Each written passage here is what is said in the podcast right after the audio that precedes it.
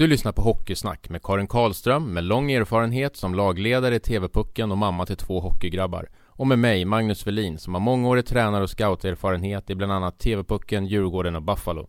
I den här podden snackar vi om hockey på ett annorlunda sätt med intressanta gäster och ämnen. Podden sponsras av Athletic Work.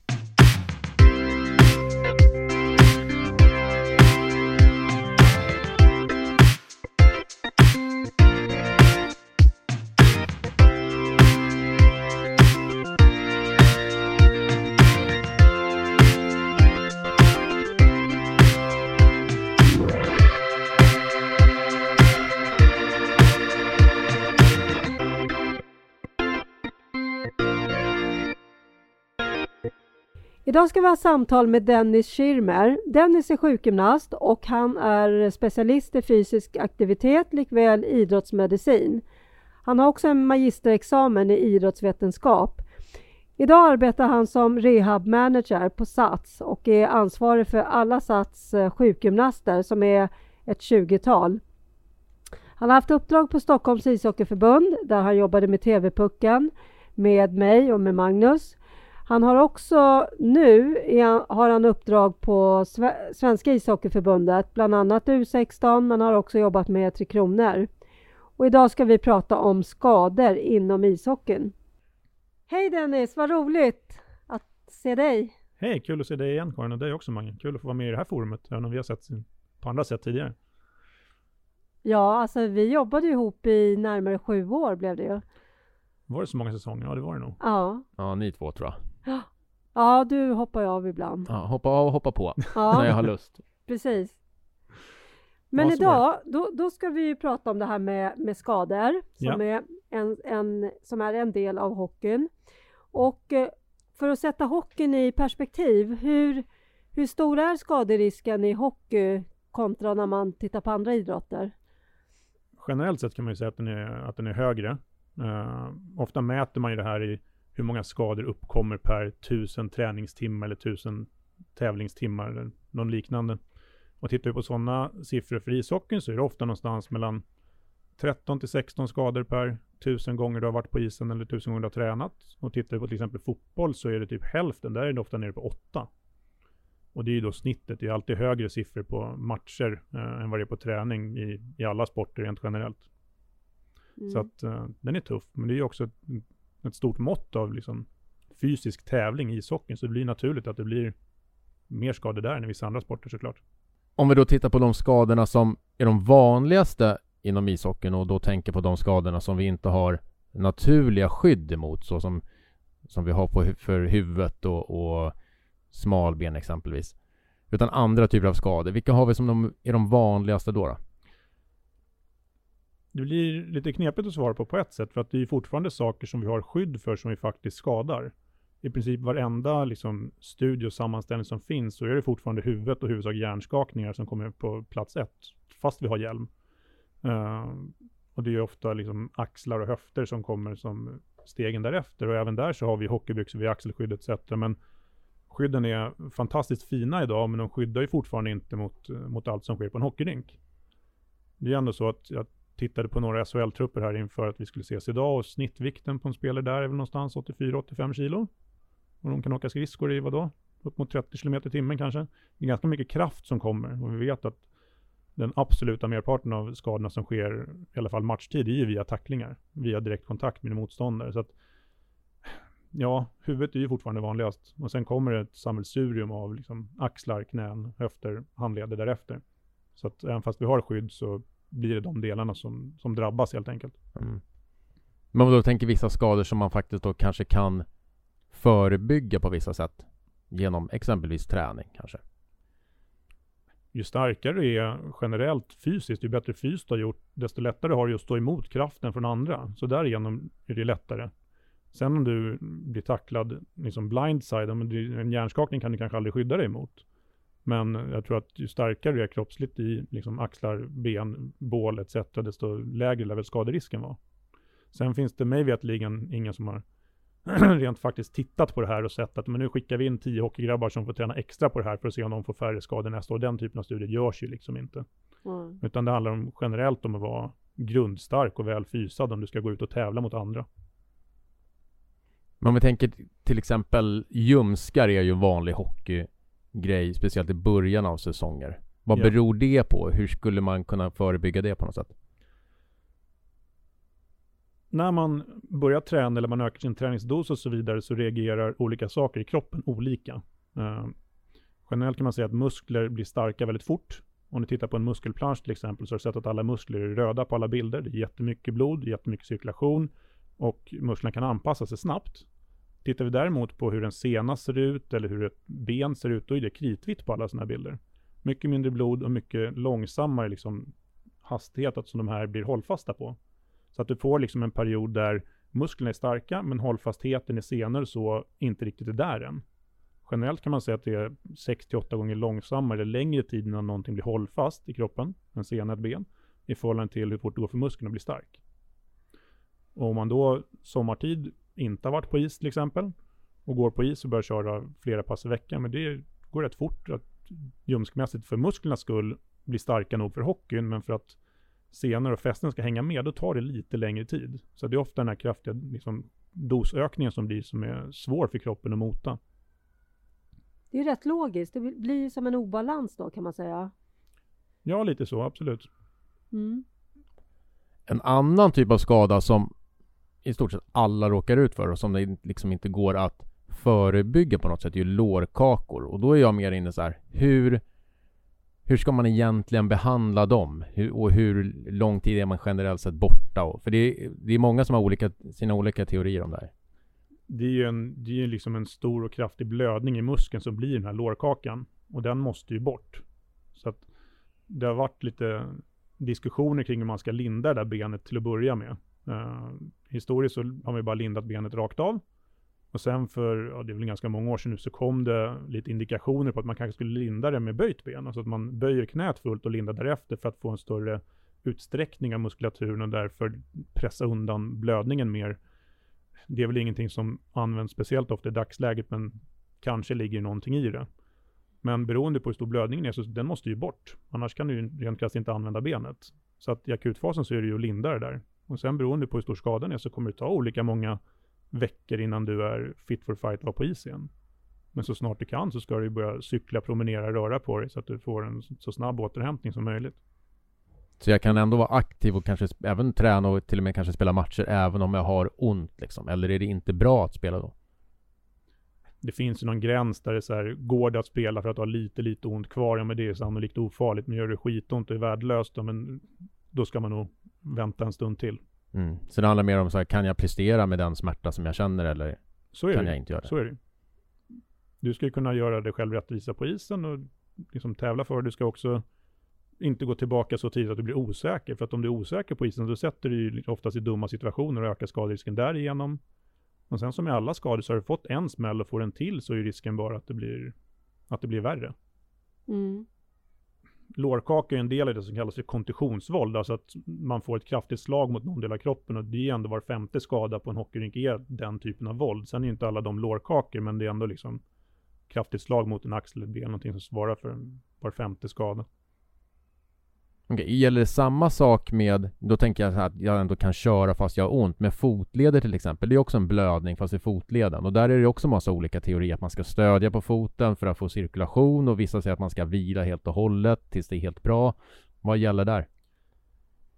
Man har ju haft några sådana här fina ordkombinationer för det, eller bokstavskombinationer och tidigare så var det PRICE som man skulle minnas om man höll på med akutidrott att det var Protection, Rest, Ice, uh, Compression och Elevation. Nu har man inom idrottsmedicinen försökt att byta ut det där mot någon form av polis istället. Hur lätt det är att byta till för gemene man vet jag inte, men då är det liksom protection optimal loading som är OL i mitten för att man just ska börja belasta och använda foten så mycket det går. Och tittar vi på en ledbandsskada på en hockeyspelare i en fotled så är det sällan ett bekymmer om det är en klassisk, klassisk fotledstukning för att skridskon är så pass stabil och hård att det brukar funka alldeles utmärkt att skicka ut folk på isen i alla fall.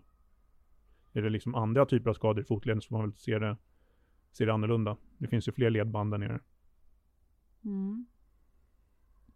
En skada som brukar komma lite senare upp i, i åren som kanske inte, jag i alla fall inte sett så många yngre spelare drabbas av det som man kallar för, för skatebite eller lacebite där, det, där man liksom får sätta in som skumbitar med under plösen för att det inte ska göra ont. Vad är det för någonting egentligen? Det är någonting som ofta uppkommer antingen när du har väldigt, väldigt gamla skridskor eller helt nya skridskor. Och i princip så innebär det att du har en, en ny plös som inte är inkörd än. Uh, och dina, dina skridskors uh, snören skär igenom plösen på ett sätt så att det börjar gnaga och liksom störa senorna som sitter på framsidan av fotleden. Det sitter ett par senor där som kan vara lite känsliga för det här. Och de brukar då svullna upp och bli arga, irriterade, ömma. Ofta så är man inte borta mer än en vecka, tio dagar för sådana grejer i värsta fall. Och det brukar vara att man uh, pratar med lagläkaren eller går till, eh, går till vårdcentralen och får någon form av lättare antiinflammatoriskt och vilar där. Och precis som du säger Mange så brukar det vara en del skumgummi innanför plösarna där i, i början på året när folk byter skridskor. Jag, vet, jag minns någon säsong när en av skridskotillverkarna kom ut med en ruggigt trendig jättetunn plös för att det skulle minska vikten på skridskon och då var det oändligt många fler sådana här skador. Så att det handlar lite om vad, vad skridskotillverkarna gör med, med materialval och så också. Okej, okay. bra. En, en eh, sista skada som egentligen inte är en skada som vi kan påverka själva, det är ju, och någonting som väldigt många får är ju slatter. Ja. Uh, och det är ju någonstans, så fort man har ont i knäna så säger alla att de har slatter. Och det är, vissa har ju det såklart och, och vissa kanske inte har det. Men vad är egentligen slatter och hur behandlar man eller vad gör man åt det? Under knäskålen på liksom skenbenets övre del så sitter ett fäste för knäskålsenan. Den går in och fäster där. Ehm, och medan man växer så är inte benet stenhårt ännu, utan benet är ganska mjukt för att det ska kunna fortsätta växa. Ehm, så det är lite poröst just vid det här fästet, eller kan vara. Och om du då håller på med en idrott där det är exempelvis väldigt mycket hopp, så kan det vara så att det blir för kraftig belastning för, ja, för det här fästet helt enkelt, och då blir det ömt. Och det här är ju, som vi pratade om innan, att det är en del av ett ben och en sena, så att läkningstiden är ju rätt seg här. Läkningen är bra, men det kan ta liksom månader, och vissa har liksom problem i ett år av den här typen av, ja, vid den här typen av skada. Så att det man gör där, det är ju att ta bort allt som gör ont. Går det inte att hoppa, men då hoppar vi inte just nu. Går det inte att springa, då springer vi inte just nu. Och så får man hålla sig till det som faktiskt funkar och det som inte retar senan nämnvärt. Oftast är ju kroppen så tacksam att den berättar för när något inte funkar, utan aj, det här gör ont, okej, det flyger inte, eller det här funkar. Det där tycker jag är jätteroligt när du säger att man håller sig till det som eh, funkar. För då tänker jag så här att om man är eh, en kille eller tjej och så har man en tränare, Magnus är tränare och säger så här nu ska vi, eh, nu ska vi köra de här bildäcken, de ska vändas eh, och ni ska springa eh, så här eller så här. Och så vet man att man inte, det här är inte bra för min rygg eller vad det må vara. Eh, då är det jättetufft så här om vi tittar på verkligheten att säga till sin tränare det där funkar inte så bra för mig. Eller hur? Alltså det är inget du kan svara på, men, men eller hur? Vi känner igen ett sånt scenario. Det är ju himla tufft alltså. Mm, det är det. Det där handlar ju mer om, då kommer man ju till till ledarskapsfråga och en relation som man som ledare har med sina, eller ser till att man har Ja, med sina... men det jag vill komma till det är att ibland så tror jag att många ungdomar gör saker och övningar som man för att av rädsla att någon ska tänka att man är lite bekväm eller att man skyller, skyller på något eller vill ja, ta den enkla vägen. Mm, det tror jag absolut. Ja, det där är svårt. Det är svårt. Uh, och ofta så, eller man har ju någonstans en förhoppning om man jobbar i ett medicinskt team att spelarna har den här känslan för när kan jag bita ihop och köra och när, nej nu gör det fan ont på riktigt, det här flyger inte. Mm. Den är ju svår men den behöver nog finnas om du ska hålla det hel över tid. Mm. Risken är ju om man inte sköter sin rehab, att man istället får liksom besvär som står längre och det sabbar en större del av säsongen för dig. Så att ofta kan det vara värt att ta en, liksom, ta smällen att inte kunna göra allt på kortare sikt för att det ska funka på längre sikt. Så är det ju såklart och då är det ju alltid så här svårt när man tycker att man har någon viktig match eller den här turneringen är viktig och sådär. Men då får man kanske offra en del i sådana fall då, om man ska. Sen, men sen hamnar det när man blir äldre sen så handlar det också om faktiskt att man som spelare måste kunna lära sig så här, är jag skadad eller har jag ont? För då kommer man ändå mm. till någon form av smärttröskel också. Vad kan jag faktiskt göra? Mm. Utan att jag säger att man ska så här, köra till vilket pris som helst när man är yngre. Men någonstans under karriären så kommer man ändå komma till den delen när man måste lära sig det där. Ja men så är det ju absolut. Jag menar, är du myndig med ett landslag, då, då är du där för att vinna. Du är där för att vinna även om du är på U16 såklart, men där är du ju inte myndig, så där blir det lite andra frågor ta tag till. Där får ju spelarna egentligen då så ska ju föräldrarna vara inblandade så fort det är någonting. Men alla skador kommer ju heller inte av alltså att, det är, att det är matchsituationer. Det kan ju också vara att man tränar sig till skador. Man belastar för, för mycket och gör knäböj fel eller vad det är. Den är ju också knepig att, att stå emot. Ja, så är det ju. Sen är det så här. Du ska göra knäböj väldigt fel för att det ska vara farligt för dig. Alltså, det är klart att det finns tekniska aspekter att peka på, men det är ju ja, det är få hockeyspelare jag har sett som ser så illa ut att jag får, åh nej, panik, det här, så här kan det ju verkligen inte se ut, utan oftast är det ju små pill för att det är ju ändå, de flesta hockeyspelare är atletiska på någon nivå och tycker jag brukar greja det där väldigt, väldigt bra. Sen är det ju såklart sunt om det i föreningen finns någon som har lite koll på det där och har lärt ut schyssta grunder såklart, men jag tror att som regel så går det bra. Jag upplever mer att problemen blir de här stora liksom, skillnaderna i, i belastning över tid. När börjar man med belastning då, åldersmässigt? Det är ju väldigt olika eh, såklart och som jag förstått det när jag pratar med ungdomsspelare så är det olika olika föreningar också. Det har ju historiskt sett varit lite debatt i, även i svensk media kring ska man belasta ungdomar eller inte och så tycker vi att man kan landa någonstans i mitten för att någonstans så kanske det är lättare att göra en en bänkpress med en 20 kilo stång än göra armhävningar på en arm om vi bara ska se till belastningen. Så jag tycker inte att så här, vikt eller inte vikt behöver vara, uh, vara en stor del i det där, utan det går att ha sunt förnuft kring det. Enda gången man egentligen ska vara försiktig med belastningen, det är väl just den här tillväxtspurten när man har en spelare som just nu över sommaren växer ur alla jeans, tröjärmarna blir en decimeter för korta. Den mm. perioden ska man nog försöka vara lite snällare med belastningen, för att där vet vi att risken för att de får liksom, ganska påtagliga ryggbesvär är större. Innan vi bara går vidare så skulle jag vilja avsluta mm. den här slatter-grejen bara och gå tillbaks några minuter. Mm. Bara för vad Bara så att jag får med mig om Är det farligt för mig att, att göra saker om jag har ont? För jag kommer kanske ha ont ganska länge i mitt knä och, och om det drabbar mig i mitt utövande så Så missar jag liksom stor del. Mm. Och ja, men jag får, får jag inse att göra det eller kan jag faktiskt ändå träna en del? Jag så, du sa ju så här, mm. gör ont och hoppar, mm. hoppa inte. Mm. Men det, om jag åker skridskor och det känns okej, okay, det gör lite ont och sådär. Är det farligt eller kan jag köra eller är det bara vila som gäller? Det svåra med den frågan är att som regel så är ju slatten någonting som inträffar när du är mellan 10 och 14 år gammal. Det är alltså ganska ung. Uh, och det är svårt att göra en liksom, helt sund bedömning på förhand kring kan man belasta eller kan man inte. Men det är klart att skulle någon komma till mig och det gjorde lite ont när jag var på isen så hade jag tyckt att det var helt okej. Okay. Gör det jätteont hela tiden så är det inte okej. Okay. Är det vuxna individer så förhåller man sig ofta till någon 0 till 10 skala där liksom 0 till 2, 3 är liksom grönt ljus, kör inga problem. Om vi tänker att 0 är ingen smärta alls och 10 är värsta tänkbara. Och där man kring de här talen i mitten sen 3, 4, kanske 5, ja det är gult ljus. Det går att köra mot gult ibland men inte varje gång för då blir det stökigt. Och är det över 5 då är det big no-no. Den är lite svårare på någon som är 10 bast. Men man kan försöka ha liksom det tankesättet med sig i bakhuvudet i alla fall. Men jag tycker att det här är solklara fall där man som förälder eller ung utövare ska ta medicinsk hjälp och inte liksom freestyla ihop någonting själv. Utan ta hjälp av någon, gå till läkaren eller gå och träffa en sjukgymnast eller fysioterapeut eller motsvarande. När, när du kommer i kontakt med, jag tänker i ditt jobb, eh, och kommer i kontakt med killar eller tjejer som har skadat sig. Vilket skede ungefär är de då? Är det liksom precis att det har hänt eller har man gått och dragit på det ett tag eller vad är vanligast? Till vardags när jag jobbar kliniskt så är de flesta sådana som har dragit mer en tid. Och det beror ju helt enkelt på att det mesta besvären vi har går ju över.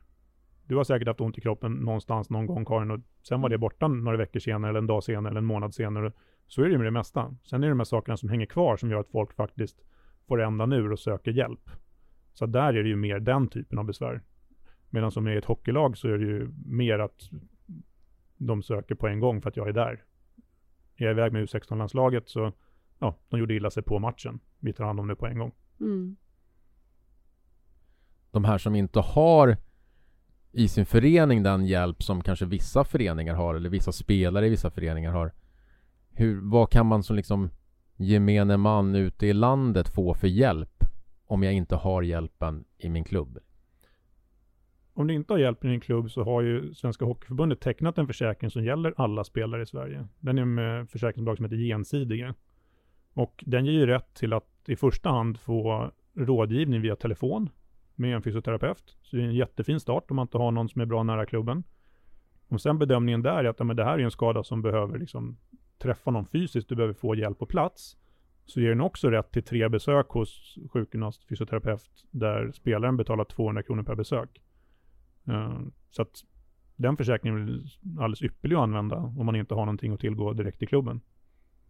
Det är bra. Gäller det här i olika idrotter, alltså alla möjliga idrotter eller? Jag vet bara att handbollen har exakt samma system för att de har samma försäkringsbolag. Sen gissar jag att fotboll etc. har, har sina försäkringar också.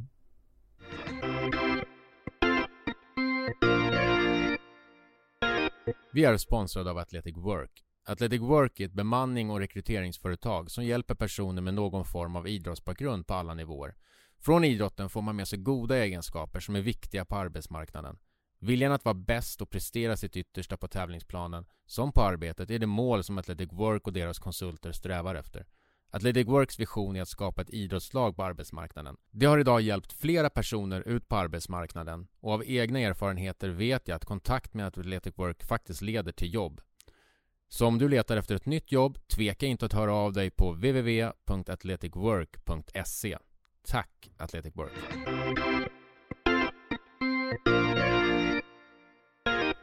Bara på den här korta stunden som vi har suttit och pratat hittills här nu Danny, så går det såklart upp för mig att, att jag inte kan allting. Eh, vilket jag i och för sig såklart visste innan att jag inte visste. Men och ute i vårt land så, så finns det massa kunniga och välutbildade tränare. Eh, men det finns också väldigt många, många tränare och ledare där ute som med ett jättestort hjärta gör exakt allting som de kan. Men man kanske inte har den kunskapen som man ja, som man kanske egentligen skulle behöva.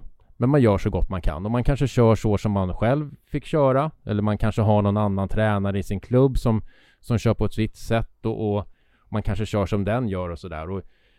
Men det är ju inte alltid man kanske gör rätt saker med spelare i rätt ålder. Och jag har ju också gjort sådana saker, att låtit spelare i en viss ålder hoppa ner för en läktare där, där knäna kanske belastas på ett sätt som de inte borde ha belastats i den åldern. Men det trodde jag var, var bra då och har kanske förstått sen att det var det ju inte. Men det, då är det kört liksom. Men det är ju som det är. Uh, men vad, hur tänker du kring det här? Det är klart det är svårt uh, för alla att ha koll på allting, så är det ju. Är du i en större förening där det finns något medicinskt team runt så har du alla möjligheter att ta hjälp och fråga, liksom vara öppen och ställa frågor kring det. Är du inte i den typen av förening, utan en mindre förening, då kommer det vara tuffare. Och där hänger ju mycket på liksom, utbildning via, via förbund och så vidare. Att man har en koll på via liksom, ungdomsledarutbildningar, så vad, vad gör man i, i vilka åldrar och så vidare. Det är ju den vägen som, som informationen måste gå ut. Jag tycker att eh, man kanske ska vara mer försiktig med att random plocka saker bara från, säg typ Instagram. Uh, och det baserar väl på att där lägger man ju som tränare generellt ut de här flashigaste övningarna som någon stjärnspelare gör. Och det är ju sällan det som är grunden i de här spelarnas träning. Men det är det som ser läckert ut på nätet. Mm. Utan det kanske är en, den här stabila träningen i bakgrunden som inte syns, som har varit det viktiga för den här spelaren. Sen att han gjorde en sjukt flashig variant av just utfall eller knäböj på den här videon, det kanske spelar mindre roll. Och det betyder framförallt inte att det är de här de gör varje träning. För så har jag kunnat uppleva ibland när jag pratar med spelet, om jag såg de här NHL-spelarna gjorde den här övningen på nätet. Ja, jo, absolut, de gjorde det, men de hade säkert gjort en massa andra innan de gjorde just det där. Så att man måste ha en förståelse för vad som, vad som visas utåt från, eh, från liksom tränarsamhället också. Mm. När du säger att grunden i spelarnas träning, vad, vad skulle du säga är grunden i spelarnas träning? Ska du vara stark så byggs ju liksom den viktigaste grunden inne i gymmet skulle jag säga. Och det är klassiska basövningar som fungerar väldigt, väldigt bra. Om du ska vara stark i knäböj, marklyft och så vidare, då, då har du en sjukt stabil grund. Sen kan man gå på och hålla på med, med andra övningar och fokusera på andra saker, men liksom back to basics för att bygga, bygga basen är tveklöst den vägen man ska gå tycker jag. Jag tänker på det här med eh, det du säger med att det är lite flashigt sådär. Det här har inte riktigt med hockeyn att göra, men just eh, jag sprang ett eh, Lidingölopp för flera år sedan och så kom, det, kom vi till så här vattenkontroll.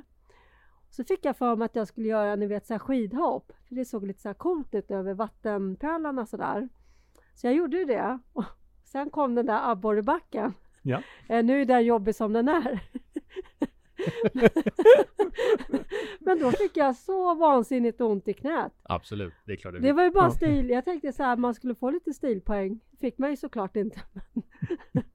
så jag förstår det här med vad som är basic och vad som man gör som så här, liksom ser väldigt bra ut. Eh, Det är rätt intressant.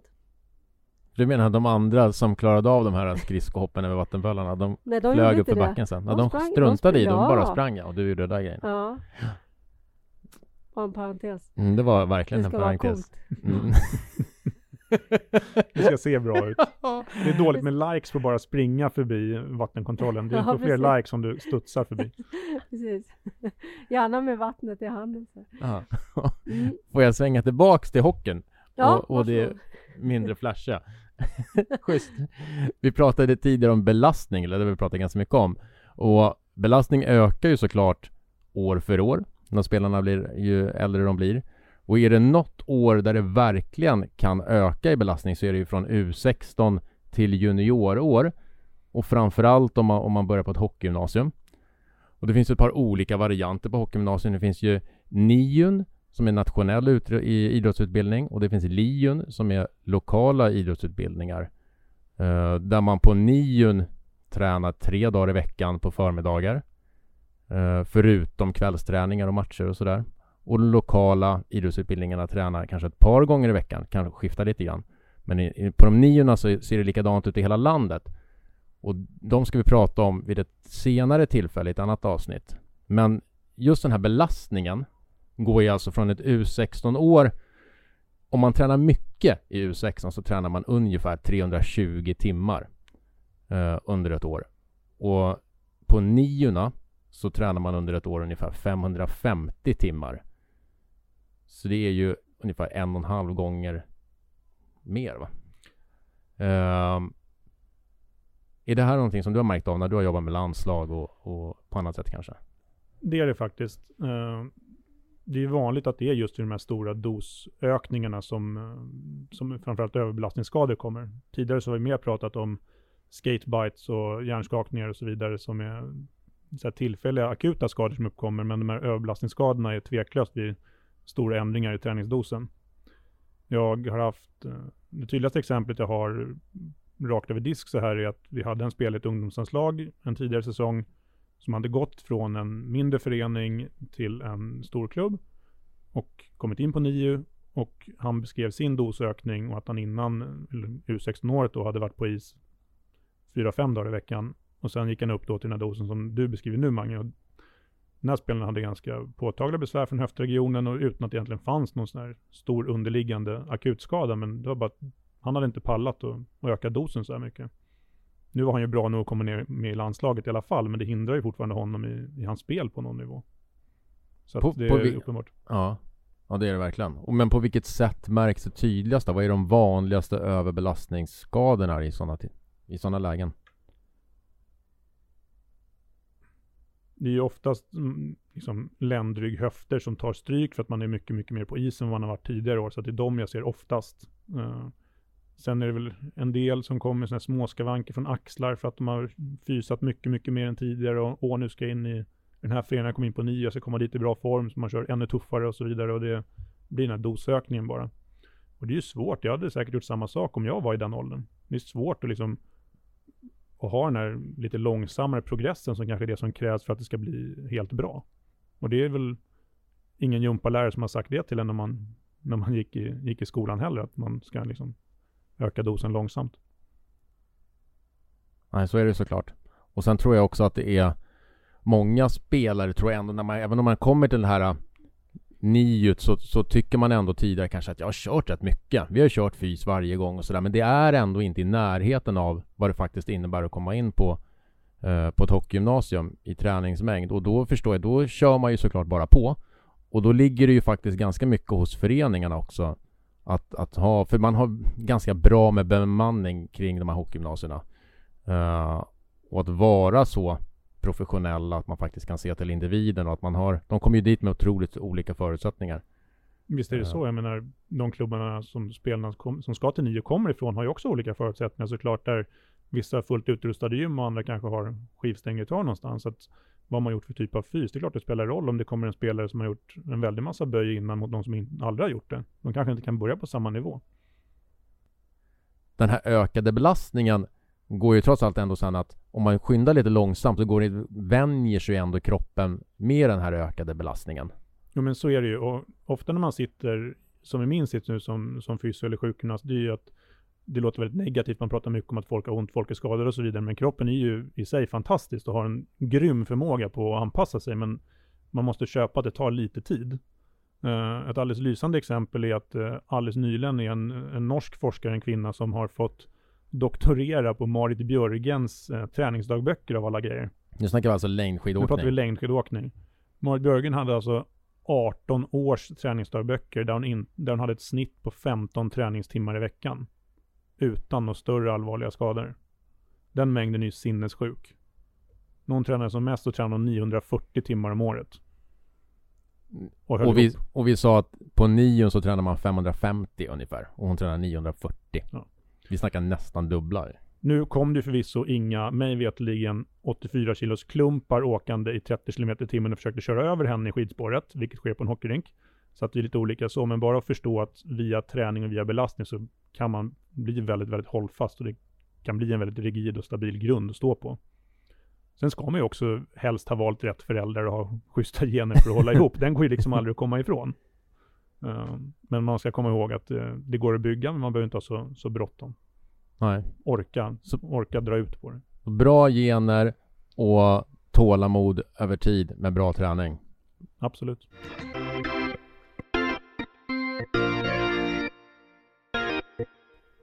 Dennis, skulle du kunna dela med dig av någon... Jag gillar det här med solskenshistorier och lyfta goda exempel.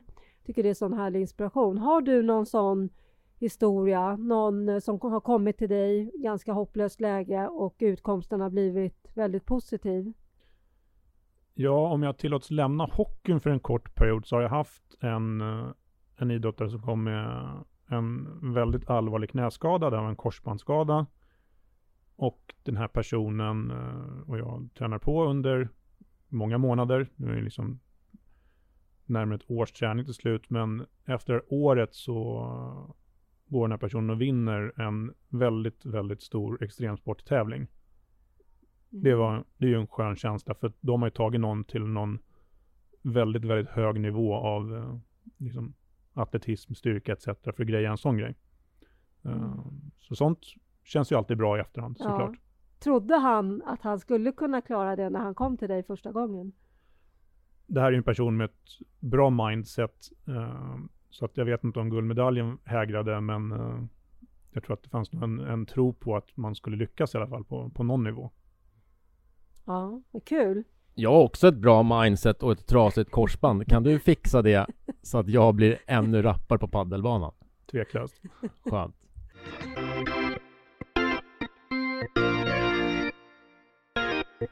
Då har vi ju pratat om eh, det här med belastning, hur, hur eh, viktigt det är att att tänka på det här med när man belastar. Vi har pratat om den här försäkringen eh, och grunden, att den läggs i gymmet som du nämnde och även vikten av att ha tålamod, skynda långsamt. Är det, är det något annat sådär som du tycker det här är viktigt att jag får berätta om? Jag tycker man ska lägger ganska stor vikt vid att göra klart sin rehab. Mm, och att bli helt bra. Att man siktar på att har jag ont i en axel, jo men då ska jag ju vara sidlik stark i axlarna innan jag är helt nöjd. Sen kanske du börjar spela match igen när du är på 85% styrka jämfört med andra sidan eller någonting. Och det må väl kanske vara hänt, men liksom, du är inte färdigrehabiliterad förrän du är helt hel, liksom sidlig rörlighet och så vidare. Det känns som att det är, det är lätt hänt att släppa rehaben så fort man är liksom i matchdugligt skick. Och då tror jag att risken för att man gör illa sig igen bara är större. Så att även om du börjar spela, håll ut. Fortsätt att göra klart de här övningarna som du behöver göra för att bli stark eller rörlig eller vad det nu är som är liksom hindret i just ditt fall. Mm. Sen tror jag att man som, eh, som förälder och ledare också ska ha en viss förståelse för vad som har hänt med smärtforskningen de sista tio åren. För det har hänt ganska mycket. Uh, och vi vet idag att ju mer stressad någon är, desto mer smärtpåverkad blir man. Så att om vi har två personer som får exakt samma skada, där den ena har det socialt tryggt och lugnt och allt är frid och fröjd, så är det fullt rimligt att den har mindre smärtbesvär än någon som har en massa strul runt omkring i livet. Uh, så att kanske kommer spelare kunna ha olika ont i olika skador bara baserat på hur deras sociala situation är eller kanske till och med vilken hierarki de har i laget. Så att man har en viss förståelse för att det här med smärttröskel är liksom inte någonting som är kontinuerligt alltid på samma nivå. Utan är det mer stök runt omkring då kommer nivån eller din smärttröskel att vara lägre helt enkelt. Det kan vara sunt att känna till. Det är mm. jätteintressant Det där tror jag väldigt få vet om. Och det är grymt att veta både som, klart, som, som spelare och som förälder framförallt och, och, mm. och som tränare. Och om man vill, eh, om man har eh, någonting man vill prata med dig om, har frågor om eller kanske till och med träffa dig, mm. vad vänder man sig då? Enklast om du vill träffa just mig, det är ju att gå in, eftersom jag jobbar på Sats så blir det ju Sats hemsida, där kan du boka tid. Gå in på sats.se sjukgymnastik så går det alldeles utmärkt att boka tid med mig. Mm. Och var är det du sitter någonstans? Jag kommer alldeles strax att flytta på mig, men efter jul kommer jag sitta på Spårvagnshallarna mitt i Stockholm på Birger mm. Och nu kommer vi till den här frågan som, eh, som vi alltid avslutar med. Och det är ju, det är ju då, har du någon, någon öns något önskemål på person eller något ämne som du tycker att vi ska ta upp i den här podden? Jag tycker ni ska prata med Allen Bibic, eh, baserat på att han läste en ekonomiexamen medan han spelade i SHL. Jag själv pluggade, läste min sjukgymnastexamen när jag spelade division 1. Jag har en del bekanta som har pluggat och spelat allsvenskan och så vidare, men jag tror fortfarande att det inte är så många som faktiskt pluggar genom karriären, oavsett om det är liksom division 2-karriär eller en elitseriekarriär eller SHL-karriär. Mm. Och jag mm. tror att det skulle vara en bra möjlighet för många, för jag tror att tiden finns att plugga och då har man kanske ett bättre liv eh, när karriären väl är slut. Mm. Så det tycker jag skulle vara intressant att lyssna om. Då säger vi stort tack till dig Dennis för att du ville komma hit till oss idag och prata om skador. Tack för att jag fick komma. Och stort tack till alla er som har lyssnat. Eh, de här tipsen som Dennis eh, har nämnt kommer vi att lägga ut på, på Instagram Eh, på Hockeysnackpodden. I nästa avsnitt som släpps den 18 mars pratar vi skillscamper och skillsträning. Som gäst har vi Joakim Ahlgren Blom från JRM Skates and Skills. Det kryllar av olika skillscamper i Sverige. Vad skiljer dem åt? Behövs de? Varför träna på saker man inte använder på match? Hur ser man på skills kontra att lära sig spelet i olika delar av Sverige och världen? Missa inte det. Vi hörs då!